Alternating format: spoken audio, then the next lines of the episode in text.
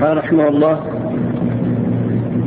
ومن الفروق الصحيحة التفريق بين ما له حق سببه ظاهر كالضيف والزوجة للنفقة فله أن يأخذ من مال صاحبه إن امتنع من الواجب لأنه لا ينسب إلى خيانة بينما إذا كان السبب غير ظاهر فلا يحل له الأخذ من ماله لأنه ينسب إلى الخيانة.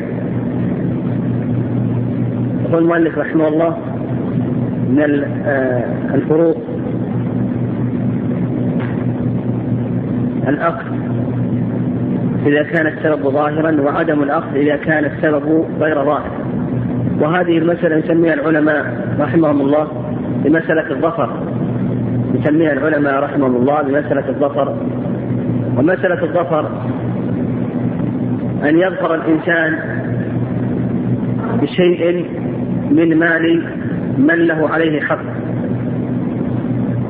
يكون لك حق عند زيد من الناس فتظهر بشيء من ماله. فهل لك أن تأخذ من ماله مقابل ما لك عنده أو لا؟ قسم المؤلف رحمه الله ذلك إلى قسمين. قسمه المؤلف رحمه الله تعالى إلى قسمين. القسم الأول أن يكون السبب ظاهرا. القسم الأول أن يكون السبب ظاهرا. فلا بأس أن تأخذ. وهذا يدخل فيه نفقة الزوجة ونفقة القريب وحق الضيف. فإذا امتنع الزوج من الإنفاق على زوجته فلا بأس أن تأخذ زوجته أن تأخذ زوجته من النفقة ما يكفيها. كذلك أيضا إذا امتنع من الإنفاق على قريبه فلا بأس أن يأخذ من النفقة مقدار ما يكفيه. كذلك أيضا الضيف إذا امتنع المضيف أن يضيفه وظفر الضيف بشيء من ماله فلا بأس أن يأخذ مقدار حق الضيافة. هذا السبب ظاهر. ويدل ذلك قول النبي عليه الصلاة والسلام لهند امرأة أبي سفيان لما ذكرت أن أبا سفيان رجل شحيح وأنه لا يعطيها من المال ما يكفيها ولدها بالمعروف. فقال النبي عليه الصلاة والسلام خذي ما يكفيك وولدك بالمعروف. خذي ما يكفيك وولدك بالمعروف. وكذلك أيضا ما ثبت في الصحيحين. أيضا من أمر النبي عليه الصلاة والسلام بالأخذ.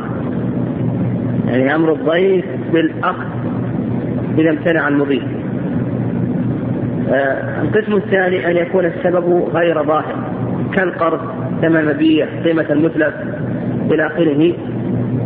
فلو أن رجلا اقترض من آخر مالا ثم إن المقترض لم يعطي المقرض حقه. المقترض لم يعطي المقرض حقه. فظفر المقرض بشيء من مال المقترض فهل له أن يأخذ أو ليس له أن يأخذ؟ يقول لك المؤلف رحمه الله ما دام أن السبب غير ظاهر ليس له أن يأخذ وإنما يرفع إلى القاضي لكي يستخلص له حقه. كذلك أيضا كذلك أيضا لو ان لو أنه باعه. ثمن مبيع. المشتري لم يعطي البائع حقه. فظفر البائع بشيء من مال المشتري. فهل له أن يأخذ أو ليس له أن يأخذ إلى آخره؟ يقول قيمة متلف إلى آخره. فهل له أن يأخذ من أتلف عليه ماله وليس له أن يأخذ إلى آخره. يقول المؤلف رحمه الله ليس له أن يأخذ. فيفرق بين ما كان السبب ظاهرا فله أن يأخذ وبين ما كان السبب غير ظاهر فليس له أن يأخذ. قالوا من الفروق الصحيحة إسقاط الصلاة والصيام والحج عن غير المكلف من الصغير والمجنون بعدم التكليف الذي هو شرط للتكاليف التي هذه العبادات أمها وإيجاب الزكاة عليهم مثل الكفارات لأنها من الحقوق المالية التي يستوي فيها من له قدرة مالية قدرة مالية من مكلف وغيره. أيضا هذا فرق بين مكلف وغير المكلف. فغير المكلف لا تجب عليه هذه العبادات. غير المكلف كالمجنون والصغير لا تجب عليه الصلاة ولا الصيام ولا الحج. أما المكلف فتجب عليه. تجب عليه هذه الأشياء. كذلك أيضا غير المكلف كالصغير والزكاة كالصغير والمجنون تجب عليه الزكاة. الزكاة تجب عليه. في العمومات كالمكلف تماما. يعني فرق بين عبادة المال وعبادة البدن. فعبادة البدن تجب. عبادة المال تجب. على الصغير والمجنون. عبادة المال تجب على الصغير والمجنون. أما عبادة البدن فلا تجب عليه وذكر المؤلف رحمه الله قال لأن من الحقوق المالية التي يستوي فيها من له قدرة مالية من مكلف وغيره. وأيضا العمومات كقول الله عز وجل خذ من أموالهم صدقة تطهرهم وتزكيهم بها. وفي أموالهم حق معلوم. هذا يشمل الصغير وغير الصغير المجنون وغير المجنون وفي أموالهم حق معلوم. يشمل الجميع.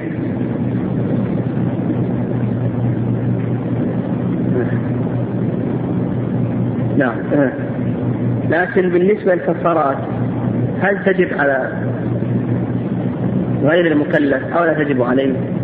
هذا موضع خلاف يعني هذا موضع خلاف كفارة اليمين كفارة القتل إلى آخره هل تجب على غير المكلف أو لا تجب عليه؟ أما بالنسبة للمجنون فهذا أمره ظاهر أنها لا تجب عليه. لأن المجنون لا تصح منه هذا. يعني المجنون لو حلف لا ينعقد يمين. مجنون لو حلف لا ينعقد يمين لكن لو قتل. وذلك أيضا الصبي لو قتل أو حلف في يمين. هل تجب عليه؟ ولا تجب عليه. هذا موضع خلاف والأظهر أيضا أنها لا تجب. الأظهر أنها لا تجب قال ويشبه هذا إيجاب الضمان على المكلفين وغير المكلفين في إتلافات النفوس والأموال لربط الحكم بسبب الموجب الضمان أيضا ما يتعلق بحقوق الخلق من الإتلافات يستوي فيها المكلف وغير المكلف. فإذا أتلف مالا لزيد من الناس فإنه يضمنه سواء كان مكلفا أو غير مكلف. هذا من حيث الضمان. أما من حيث الإذن ننظر هل هو متعمد أو ليس متعمدا هل هو مختار أو غير مختار ناسي أو ذاكر إلى آخره. إذا كان مخطئا لا إثم عليه. أو ناسيا أو غير مختار لا إثم عليه. لكن بالنسبة للضمان يضمن مطلقا المكلف وغير المكلف. كل منهم يضمن. قال ومن الفروق الصحيحة أن القدرة على التكسب غنى يمنع صاحبه أخذ الزكاة لحاجته ويوجب عليه قضاء الدين والنفقات الواجبة. لأن الواجب قد تقرر عليه ولا سبيل إلى أدائه إلا بالاحتساب المقدور عليه. وليس ذلك بغنى يوجب الحج لأنه مما لا يتم الوجوب إلا به والأول مما لا يتم الواجب إلا به ففرق بين الأمرين.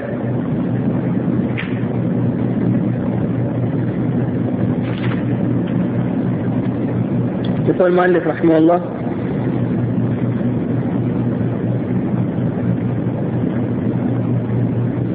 يقول القدرة على التكسب منن. القدرة على التكسب منن يمنع صاحبه من أخذ الزكاة. هذه المسألة موضع خلاف أيضا وأيضا ما ذكر بعد ذلك. هل يجب على الإنسان أن يتكسب لكي يقضي الدين الذي عليه؟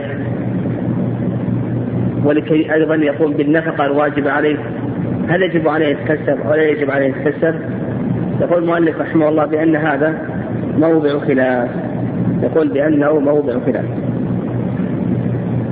ويقول القدرة على التكسب غنى يمنع صاحبه أخذ الزكاة من حاجته. فلو أن زيدا من الناس يستطيع أن يتكسب فقير ويستطيع أن يتكسب. يقول المؤلف لا يجوز أن يعطى من الزكاة بل يقال له اعمل وتكسب ولا يجوز لك أن تأخذ من الزكاة. كذلك أيضا لو كان يستطيع أن يتكسب وعليه ديون. نقول يجب عليك أن تعمل لكي تحصل ثم تسدد الدين الذي عليك. تسدد الدين الذي عليك. كذلك أيضا لو كان عليه نفقات له أقارب له أولاد له زوجة. يقول يجب عليك أن تتكسب لكي تنفق على من يجب عليك أن تمونه تنفق عليه من الزوجة والأقارب. نعم. قال لأن الواجب قد تقرر عليه ولا سبيل إلى أدائه إلا بالاقتصاد المقدور عليه. وليس ذلك بغير يوجب الحج. يعني لو كان الإنسان ما حج وهو فقير ما نقول يجب عليك أن تتكسب لكي تحصل المال الذي تستطيع به الحج. يعني تحصل المال الذي تستطيع به الحج. وفرق بين الأمرين يعني فرق بين ما يتعلق بالنفقة والزكاة يعني أخذ الزكاة. فرق بين ما يتعلق بالنفقة وإيفاء الدين وبين القيام بالحج. فرق بينهما أن الأول مما لا يتم الواجب إلا به فهو واجب. وأما الحج فهو مما لا يتم الوجوب إلا به فهو واجب. يعني مما لا يتم الوجوب إلا به واجب. من ذلك أيضا لا يجب على الإنسان أن يحتسب حتى يحصل نصابا ثم يزكي هذا لأنه مما لا يتم الوجوب إلا به. بخلاف النفقة والدين فهذا أمر واجب. ولا يتم إيفاء هذا الواجب إلا بالاكتساب. فيكون داخلا فيما لا يتم الواجب إلا به فهو واجب. بخلاف الحج أو تحصيل النصاب في الزكاة لكي يزكي الإنسان فهو مما لا يتم الوجوب إلا به. قال ومن الفروق الصحيحة أن العبد المملوك إذا كان للتجارة تجب فيه زكاة الفطر وزكاة المال لوجود السببين الملك والتجارة. والذي لغير التجارة تجب فيه زكاة الفطر وحدها لانفراد سبب الملك وحده. وهكذا كل حكم له سببان فأكثر مستقلان إذا وجد ترتب عليه مقتضاهما. هذه أيضا من الفروق الصحيحة. إذا كان الإنسان عنده رقيق وهذا الرقيق للتجارة تجارة فيجب عليه زكاة المال بهذا الرقيق لأنه عروض تجارة. ويجب أيضا عليه زكاة البدن. أيضا يزكي عليه. يزكي عليه زكاة بدن. يخرج عنه زكاة البدن. يخرج عنه الفطرة وأيضا تجب عليه زكاة المال. لوجود السببين الملك والتجارة. أما إذا كان للقنية هذا ليس التجارة وإنما هو للخدمة فإنه لا تجب فيه إلا زكاة الفطر فقط. لا تجب فيه إلا زكاة الفطر فقط.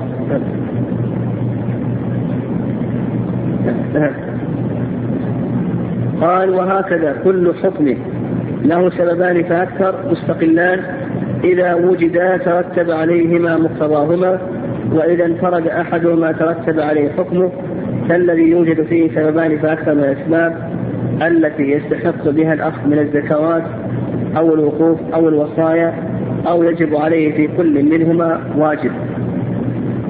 أيضا إذا وجد فيه سببان من أسباب الأخذ من الزكاة يأخذ بكل منهما. يأخذ بكل منهما. مثلا هذا زيد من الناس. زيد من الناس فقير وغالب. ما في بأس نعطيه لأجل غرمه في سد الدين الذي عليه؟ ونعطيه أيضا لأجل فقره. ما دام أنه وجد فيه سببان كذلك أيضا الوقوف بالأوقات. لو أن هذا زيد من الناس قال أوقف بيته. وقال هذا البيت؟ يصرف على طلبة العلم ويصرف أيضا على الفقراء. هذا زيد من الناس طالب علم فقير. نعطيه. بسبب طلب العلم ونعطيه أيضا بسبب الفقر. أيضا وصايا. وصى أن يكون ري هذا البيت للفقراء وطلبة العلم. قال يصرف على الفقراء ويصرف على طلبة العلم. أو مثلا قال يصرف على قاربي ويصرف على الفقراء. له قريب وفقير. نعطيه بسبب القرب ونعطيه أيضا بسبب الفقر وهكذا. قال ومن الفروق عند الأصحاب في مسائل الاشتباه فتارة أمروه باجتناب الجميع كما إذا اشتبه ماء النجس بطهور أو ماء مباح بمحرم للطهارة وتارة أمروه بالتحري وترجيح ما يظنه كما إذا اشتبه الماءان المذكوران عند الاضطراب إلى الشرب وكما إذا اشتبهت القبلة على المسافر وحده وتارة أمروه بسلوك الاحتياط في الثياب المشتبهة نجسها أو محرمها بطاهرها أو مباحها. واختار الشيخ فيها التحري أيضا هذه من في مسائل الاشتباه في مسائل الاشتباه يعني إذا اشتبه عند الإنسان شيئان ظاهر ونجس محرم ومباح إلى آخره. فماذا نسلك؟ يقول يقول بأن هذا أقسام المذهب أقسام. القسم الأول تارة يؤمر باجتناب الجميع. تارة يؤمر باجتناب الجميع. كما إذا اشتبه ماء النجس بماء طهور أو ماء محر مباح بماء محرم. يعني ماء مباح بماء محرم مسروق. اشتبه ماء عندنا ماءان. أحدهما مباح والآخر مسروق أو مغصوب إلى آخره. اشتبه عليه هذان المآل ما يتحرر يجتنبهما ولا يتطهر بشيء منهما. يعني فيما يتعلق بالطهارة لا يتطهر بشيء منهما. هذا القسم الأول. القسم الثاني يعني هنا أمر باجتناب الجميع. القسم الثاني أن يتحرى ويرجح ما يظنه مباحا كما إذا اشتبه الماءان بالشرب. عندما يضطر إلى الشرب. يعني عنده ماء طاهر وماء نجس. اشتبه عليه. اشتبه عليه هذا الماء. فيتحرى ويرجع وينظر قرائن ثم يشرب. أو مثلا اشتبهت عليه القبلة. مسافر اشتبهت على القبلة. أيضا يتحرى إلى آخره وينظر القرائن يتحرى وينظر إلى القرائن. هذا القسم الثاني أمروه بالتحري والترجيح القسم الثالث أمروه بسلوك طريق الاحتياط في الثياب المشتبهة نجسها أو محرمها بطاهرها أو مباحها أمروه بسلوك طريق الاحتياط في الثياب المشتبهة يعني إذا اشتبه عنده ثياب طاهرة بثياب النجسة فيحتاط كيف يحتاط؟ كيف يحتاط؟ ها؟ زين صح. يقول يصلي بهذه النجسة ويزيد صلاته. فإذا كان عنده عشرة أثواب نجسة وعنده عشرون ثوبا طاهرا يصلي عشر صلوات ويزيد صلاته. لأنه هنا يقطع قطعا جازما أنه صلى صلاة فأكثر. يصلى صلاة أو أكثر من صلاة بثوب طاهر. فيقول هنا أمروا بسلوك طريق الاحتياط. كذلك أيضا لو كانت هذه طاهرة أو مباحة طاهرة أو مباحة نعم آه محرمة أو مباحة. مثلا عنده ثياب مباحة أو ثياب مغصوبة أو مسروقة أيضا يسلك طريق الاختيار قال واختار الشيخ. شيخ الإسلام. فيها التحري. وإذا اشتبه على المصلي وشك في عدد الركعات أو الطوافات أو نحوها إلى آخره. اختيار شيخ الإسلام تيمية رحمة الله في مثل هذه. أن يتحرى الإنسان. كقول النبي عليه الصلاة والسلام وليتحرى الصواب ثم ليبني عليه. في الشك في الصلاة وليتحرى الصواب ثم ليبني عليه. فإذا كان عنده ثياب نجسة ثياب طاهرة إلى آخره مثلا وشك فإنه يتحرى. ويصلي صلاة واحدة فقط. أما قول مثلا يصلي بعدد نجس أو عدد محرم ويجد صلاة هذا فيه مشقة. هذا فيه مشقة ظاهرة عليه. قال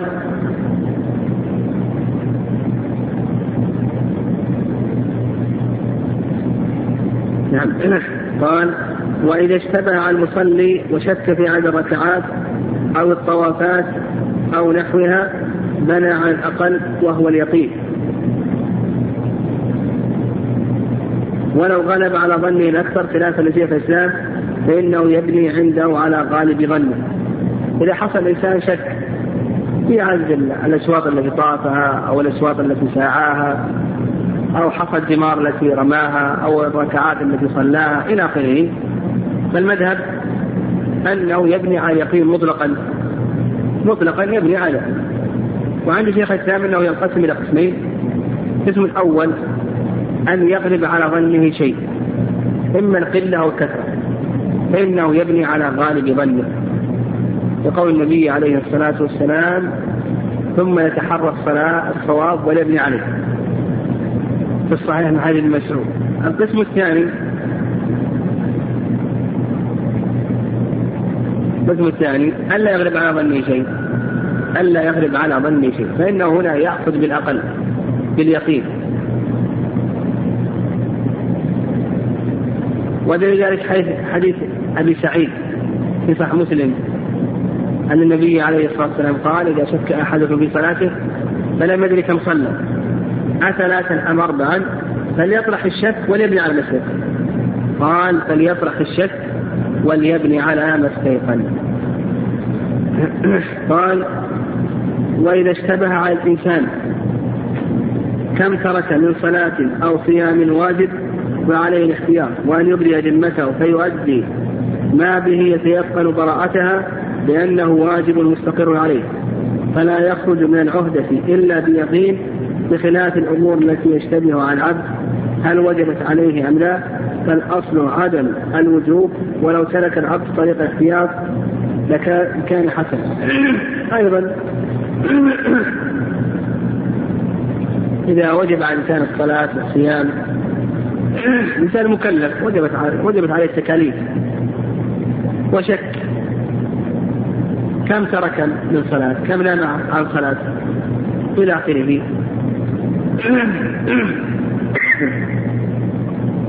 يقول المؤلف رحمه الله عليه الاحتياط. عليه الاحتياط. وأن يبري ذمته فيؤدي ما به يتيقن براءته. عليه الاحتياط وأن يبري ذمته وأن يؤدي ما به يتيقن براءة ذمته قال لأنه واجب مستقر عليه فلا يخرج من العهدة إلا بيقين. بخلاف الأمور التي يشتبه على العبد هل وجبت عليه أم لا؟ يعني فرق. الأمر الأول هذه أمور واجبة لكن تركها لعذر وشك في عادة. فهذا يختار ويعمل ما يبري ما به يبرئ ذمته مثل أيضا وجبت عليه كفارات ايمان ما يدري كم. يحتاط ويعمل ما به براءة ذمته. يعمل ما به براءة ذمته. أما إذا شك في أصل الوجوب هل وجبت عليه هذه الأشياء أو لم تجب عليه هذه الأشياء؟ إلى آخره. يعني هل وجب عليه الكفارة أو لم تجب؟ كم وجب عليه؟ كم وجب عليه؟ كم وجب عليه من الصلوات؟ كم وجب عليه من الصيام؟ إلى آخره. وهنا قال لك المؤلف الأصل عدم الوجوب. الأصل أنه لم يجب. مثلا شك هل وجب عليه ثلاث صلوات أو أربع فالأصل أنه ما وجب عليه ثلاث فقط. يقول ولو سلك العبد طريق الاحتياط كان حسنا. لو سلك طريق الاحتياط وصلى أربع صلوات هذا يقول المؤلف رحمه الله كان حسنا. قال وإذا اشتبه هل طلق أو لا؟ أو هل طلق واحدة أو أكثر؟ بنى على اسمه وأنه لم يطلق. إذا شك في نفس الطلاق وعلى الأقل إذا شك في العدد وعلى عدم وجود الشرط الذي علق عليه إذا شك في وجوده. لأن الأصل في ذلك كله ثبوت الزوجية. حتى يوجد يقين يزيلها أو يزيل بعضها. نعم. هذه المؤلف رحمه الله أشار إلى مسائل إذا شك هل طلق أو لا؟ فقد أصل عدم الطلاق لأن الأصل بقاء الزوجية.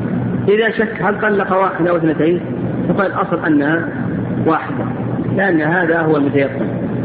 إذا شك هل علق طلاقه على شرط أو لا؟ يقول الأصل عدم الشرط. مثل لو قال أنت طالق. ثم قال إن دخلت. شك هل قال إن دخلت أو لا؟ يقول الأصل أنه ما قال هذا وأنه لم يعلق طلاقه على شرط. فإذا شك في الأصل في الطلاق الأصل عدمه. إذا شك في العدد الأصل الأقل. إذا شك في وجود الشرط والأصل عدم الشرط. قال لأن الأصل في ذلك كله ثبوت الزوجية حتى يوجد يقين يزيلها ويزيل بعضها وكثير من المشتبهات تعود إلى القاعدة المشهورة وهي الأصل بقاء ما كان على ما كان وأنه لا يرفع لا يرفع الشك اليقين. وأنه لا يرفع الشك اليقين. في واو اليقين. وأنه لا يرفع الشك اليقين. قال وإذا اشتبهت أخته بأجنبيات وجب الكف على الجميع وكذلك أيضا إذا اشتبهت ميتة بمذكات ما لم يبلغ مبلغا يضمحل معه المحرم كاشتباه أخته ونحوها بأهل بلده وميت بذبائح مصر فإن المحرم هنا يتلاشى. أيضا هذا فرق. إذا اشتبهت أخته بأجنبيات يعني هناك عدة نسوة. إحدى هذه النسوة قد رضعت مع أمه فتكون أختا له. فيقول المؤلف رحمه الله لا يجوز أن يتزوج من هذه النسوة. لا يجوز أن يتزوج من هذه النسوة. مثلا عندنا عشر نسوة. إحدى هذه النسوة قد رضعت من أمه. أو رضع معها من أمها. فتكون أختها من الرضاع. يقول يترك الزواج يترك الزواج من هذه النسوة. مثل أيضا لو اشتبهت لو اشتبهت الميتة بالمذكات عنده شاب ذكاء تذكية آه، غير شرعية. ذكاء تذكية غير شرعية مثلا نسي التسمية فاشتبهت هذه هذا الحيوان بخمس من الشياع ذكيت ذكاء شرعية أو عشر إلى آخره. فهنا يقول المؤلف رحمه الله يترك يترك كل هذه الاشياء اختيار. يترك. وأيضا الأصل أيضا عندنا أصل آخر. أن الأصل في اللحوم والفروج ماذا؟ التحريم. الأصل في اللحوم والفروج التحريم. هذا الأصل. حتى يقوم به الحل إلا المؤلف استثنى قال ما لم يبلغ مبلغا يضمحل معه المحرم كاشتباه أختي ونحوه بأهل البلد. يعني أخته اشتبهت بكل البلد. ما يدري من هي يعني أخته من جميع البلد. فهنا ما في بأس تتزوج لأن هنا الآن المحظور وجوده كعدمه. أو اشتبهت هذه المحرم اشتبه بسائر ذبائح البلد. فإنه يقول المؤلف رحمه الله وجوده كعدمه. بكثرة الحلال وقلة المحرم فأصبح وجوده كعدم قال وإذا اختلط الماء الحلال بالحرام على وجه لا يتميز فقيل يجتنب الجميع وهو ضعيف. وقيل يخرج مقدار الحرام منه ويحتاط إن شك في كثرته ويطيب له الباقي وهو الصواب. فإن هذا النوع خبث لمكسبه واشتباه الميت بالمدكات الحرام خبث لذاته وبين الأمرين فرق ظاهر. يعني إذا اشتبه مال حرام بمال حلال. يعني اشتبه مال حرام يعني مال كسبه حلال بمال كسبه حرام. بمال كسبه حرام. فالقول الأول أنه يجتنب الجميع وهذا قال المؤلف رحمه الله بأنه ضعيف. يعني ما يدري كم الحلال والحرام. هل النصف النصف ربع ثلاث أرباع ثلث ثلثان. يجتنب الجميع وهذا ضعيف. والقول الثاني أنه يخرج مقدار الحرام منه ويحتاط. يعني ينظر إلى مقدار الحرام يقدر يعني يقدر ويختار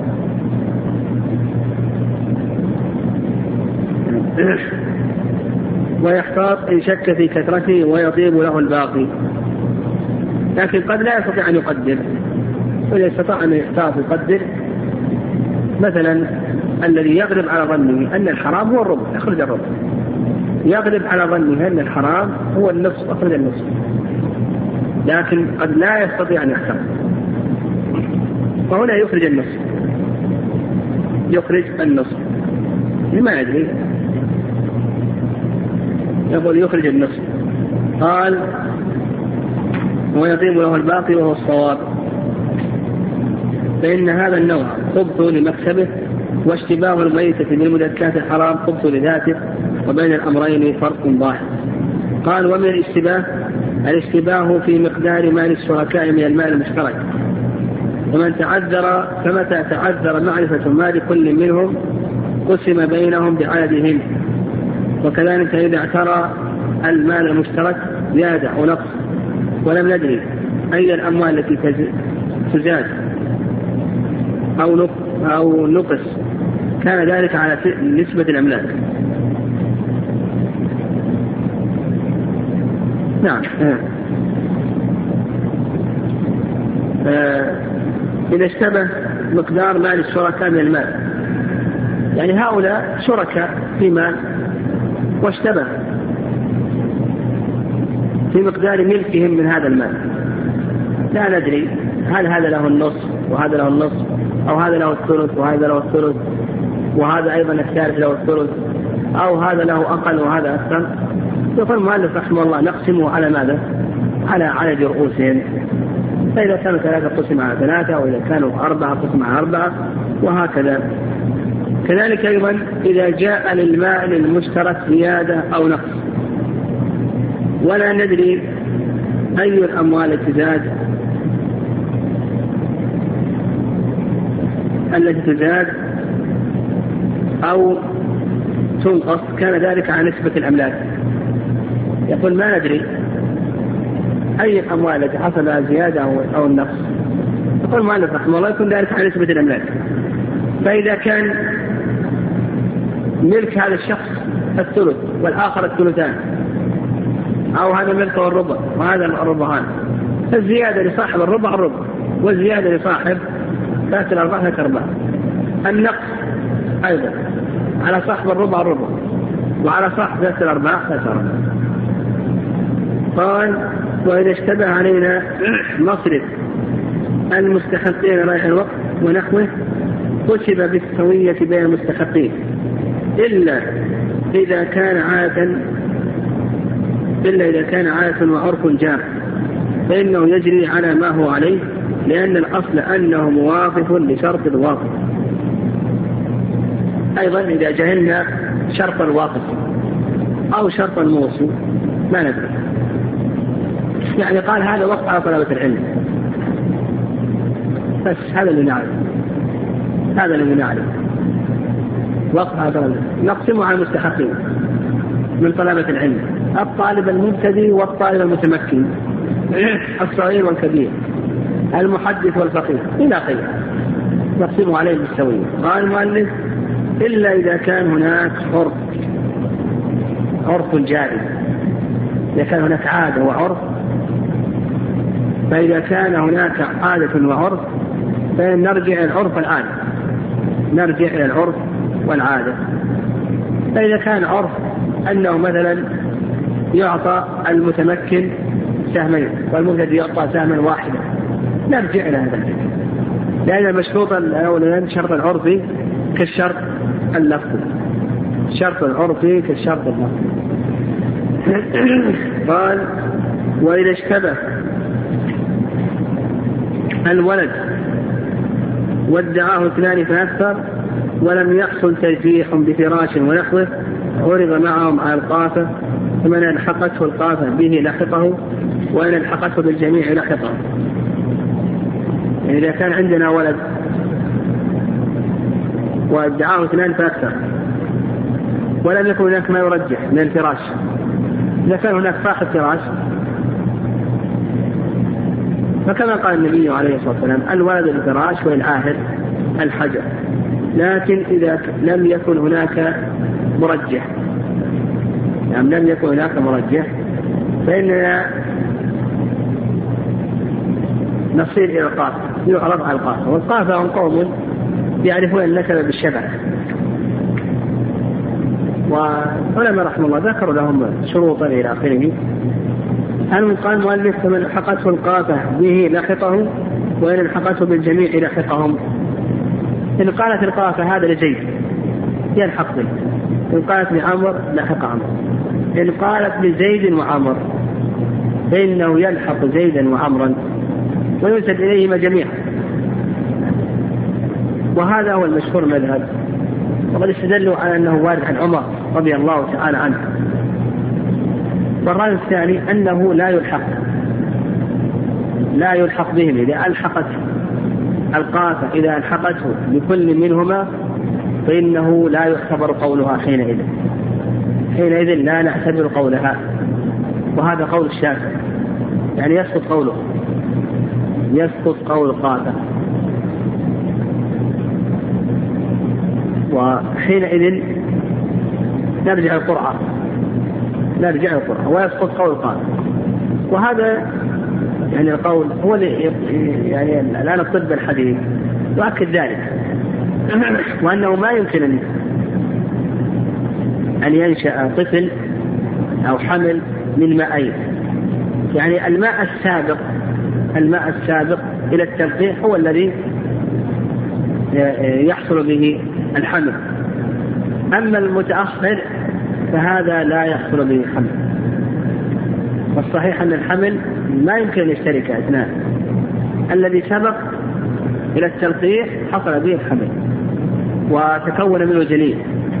وكافة الصفات كافة الصفات الوراثية فإنها تكون للسابق دون دون اللاحق. يعني هذا وهذا يعني ما ذهب اليه الشافعي رحمه الله؟ هو الصواب. والمؤلف رحمه الله تابع في ذلك المذهب. قال وإذا علم أن العين لأحد اثنين ولا مرجح لواحد منهما أقرع بينهما فمن خرجت له القرعة كان له. وكذلك لو طلق إحدى زوجتين أو أعلم القرعة هذا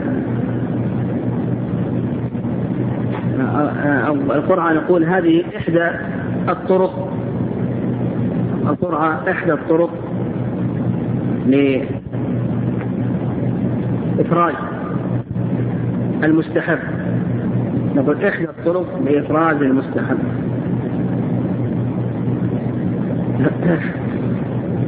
و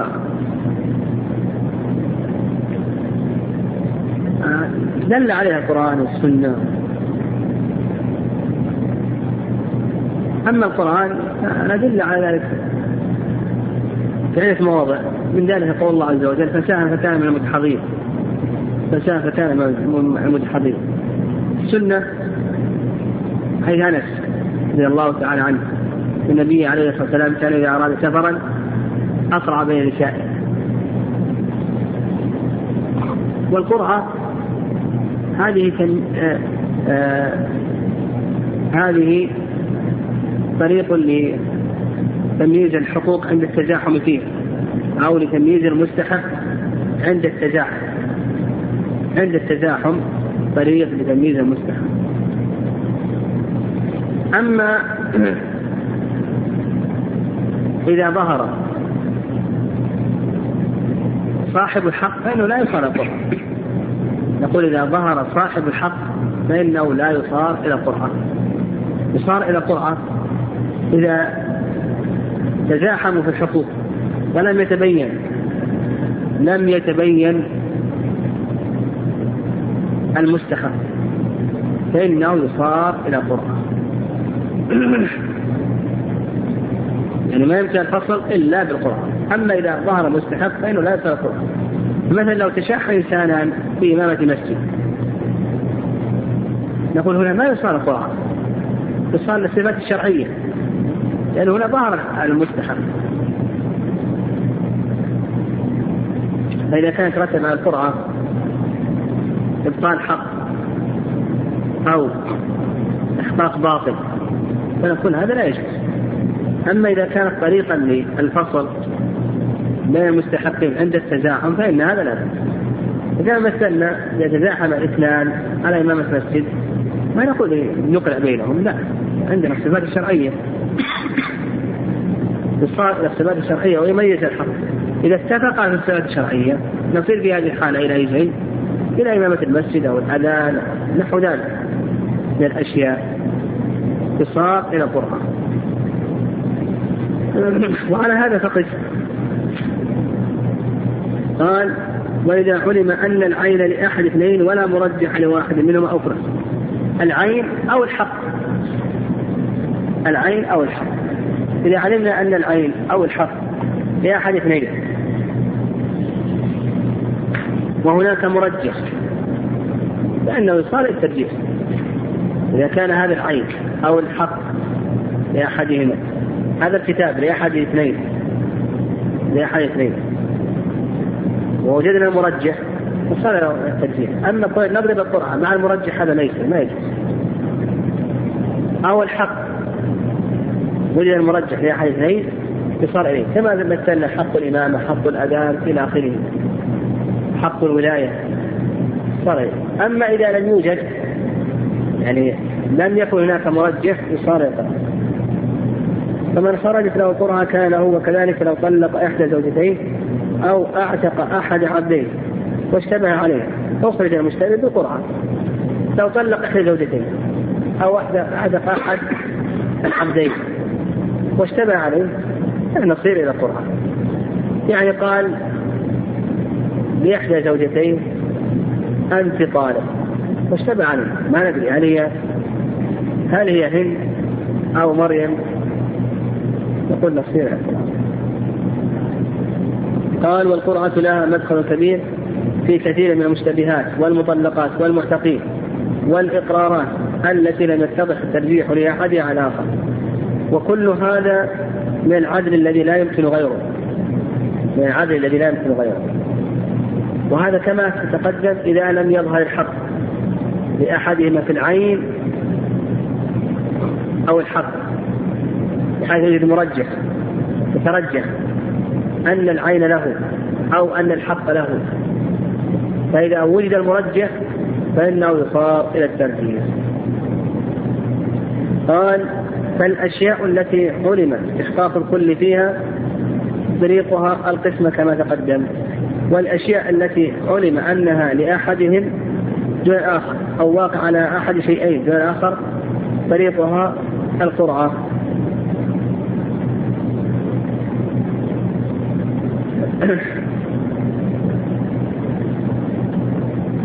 وصور الاشتباه كثيرة نبهنا على أصولها وصور منها والله أعلم. يعني ما تجرى فيه القرآن ما تجرى فيه القرآن هذا صور هذه المسألة ذكرها ابن رجب رحمه الله في القواعد. يعني ابن رجب رحمه الله في القواعد عدد المسائل التي تجرى فيها القرآن والمسائل التي لا تجرى فيها القرعة ووصلها الظاهر إلى أكثر من 150 مسألة. تجرى فيها القرعة والتي لا تجرى فيها القرعة وهذه المسائل قد تكون مسلمة وقد لا تكون مسلمة.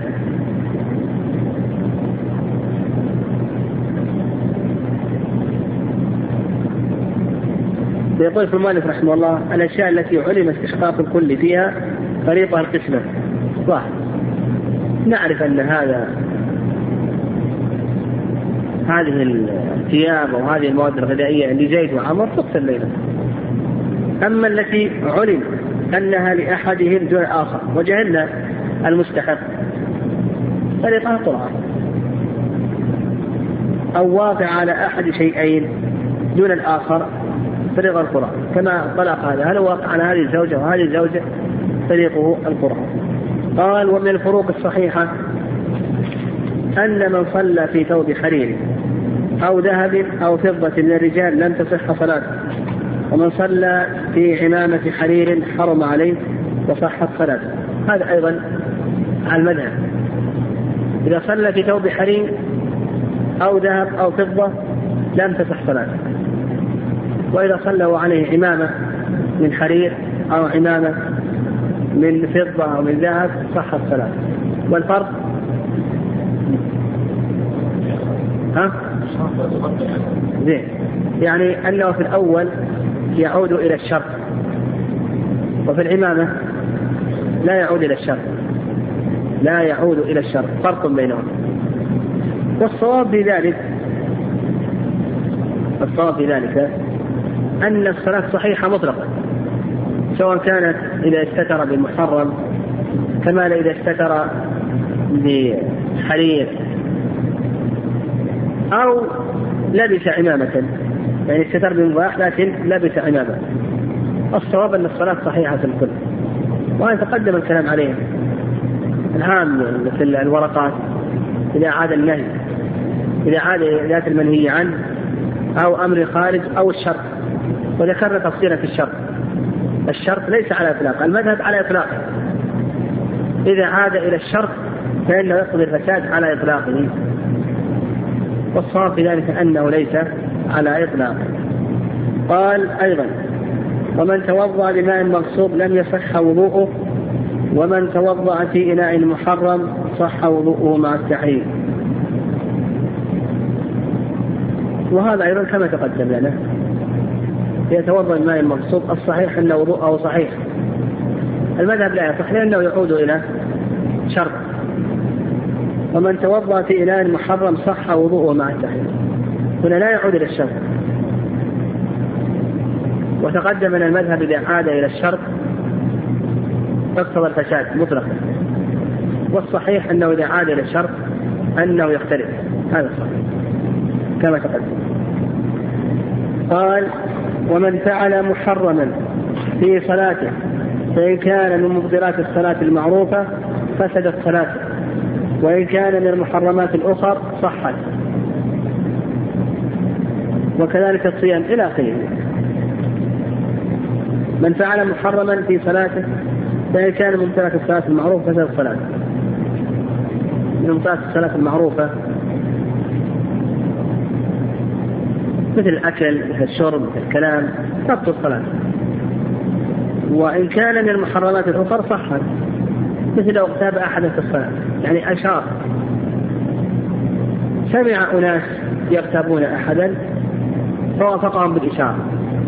أنت محرم لكن الصلاة نقول هنا صحيحة. مثل أيضا الصيام لو فعل شيئا من المفطرات محرمة فيها بطل صيامه. لكن لو أنه استمع إلى غنى في صيامه أو اغتاب في صيامه نقول بأن صيامه صحيح أو نظر إلى محرم في صيامه. نقول بأن صيامه صحيح. صيام هنا صحيح. مثل أيضا الصلاة كما سبق.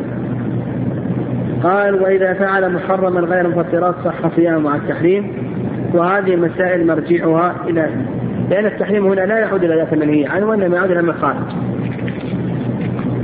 وهذه المسائل مرجعها إلى أن التحريم إذا عاد إلى نفس العبادة أو شرطها خل بها وفسدت وإذا عاد إلى عمل خارج عنها صحت والله أعلم. قال ومن الفروق الصحيحة التفريق بين سترة المصلي وسترة المتخلي وسترة الجار. أن سترة المصلي يكفي فيها ولو عصا أو خطا يخط بين يديه. وسترة المتخلي لا بد أن تستر ساتر عورته وما يتبعها وسترة الجار لا فلا بد أن تمنع مشارفة وهي على الأعلى من الجارين فإن استوى يشترك. هذا الفرق في السترة. المصلي سترته كما قال النبي عليه السلام كمؤخرة الرحم. يعني كالعصا الذي يستند عليه الراكب ذراع فأكثر. ذراع فأكثر. ويكفي خط. ولو هذا كان الذراع عصا ويكفي خط. المتخلي المتخلي سترته أن يستر عورته. يعني يستر لا يحرم النظر إليه أثناء قضاء الحاجة. هذا واجب هذه سترة واجب. سترة مستحبة المتخلي أن يتباعد بحيث لا يرى شيء من بدنه. فالمتخلي له سترتان. سترة مستحبة وهي يتباعد. بحيث لا يرى شيء من بدنه. ولهذا في حديث المغيرة أن النبي عليه الصلاة والسلام لما أراد قضاء الحاجة أبعد. والقسم الثاني سترة واجبة وهي أن يستر ما يحرم النظر إليه من العورة سترة الجار لا بد أن تمنع المشارفة وهي على أعلى من الجرين يعني لا بد أن يبني من جداره جدار السطح أو جدار النافذة. لا بد أن يبني ما يمنع النظر إلى بيت جاره. يعني كونه يشرف على بيت جاره لا بد أن يبني ما يمنع من أن يشرف على بيت جاره. يقول وهي على الأعلى من الجارين إذا كان أحدهما أعلى من الآخر فإنه فإنها على الأعلى وإن استويا اشتركا قال وفرقوا بين الخارج من بدن الإنسان أن البول والغائط نجس لا يعفى عن قليله. والدم والقيح والصليب. والدم والقيح والصليب. والقيء نجس. يعفى عن يسيره. وما سوى ذلك فهو طاهر فذكر المؤلف رحمه الله بالنسبة للخارج من الإنسان ثلاث أقسام. القسم الأول البول والغائط. نجس لا يعفى عن قليل الدم والطيح والصليب والقيء نجس يعفى عن يسير ما سوى ذلك القسم الثالث طاهر مثل العرق مثل الدم إلى آخره. يقول المؤلف رحمه الله بأنه طاهر. والصواب في ذلك أن الدم والقيح والصليب هذه أن الدم والقيح والصليب والقيح. القيء طاهر الدم له أقسام. الدم له أقسام كثيرة لكن إذا كان المراد الدم الخارج من الفرج هذا نجس. أما الدم الخارج من بقية الإنسان فهذا طاهر على الصوت طاهر. وأما بالنسبة للعفو فالصواب ذلك أن سائر النجسات يعفى عن يسيره. يقول العفو الصواب أن سائر النجسات يعفى عن يسيره. ودليل ذلك أدلة الاستجمار. سائر أدلة الاستجمار. فإن سائر أدلة الاستجمار تدل على تدل على العفو عن يسير النجاسة الله خير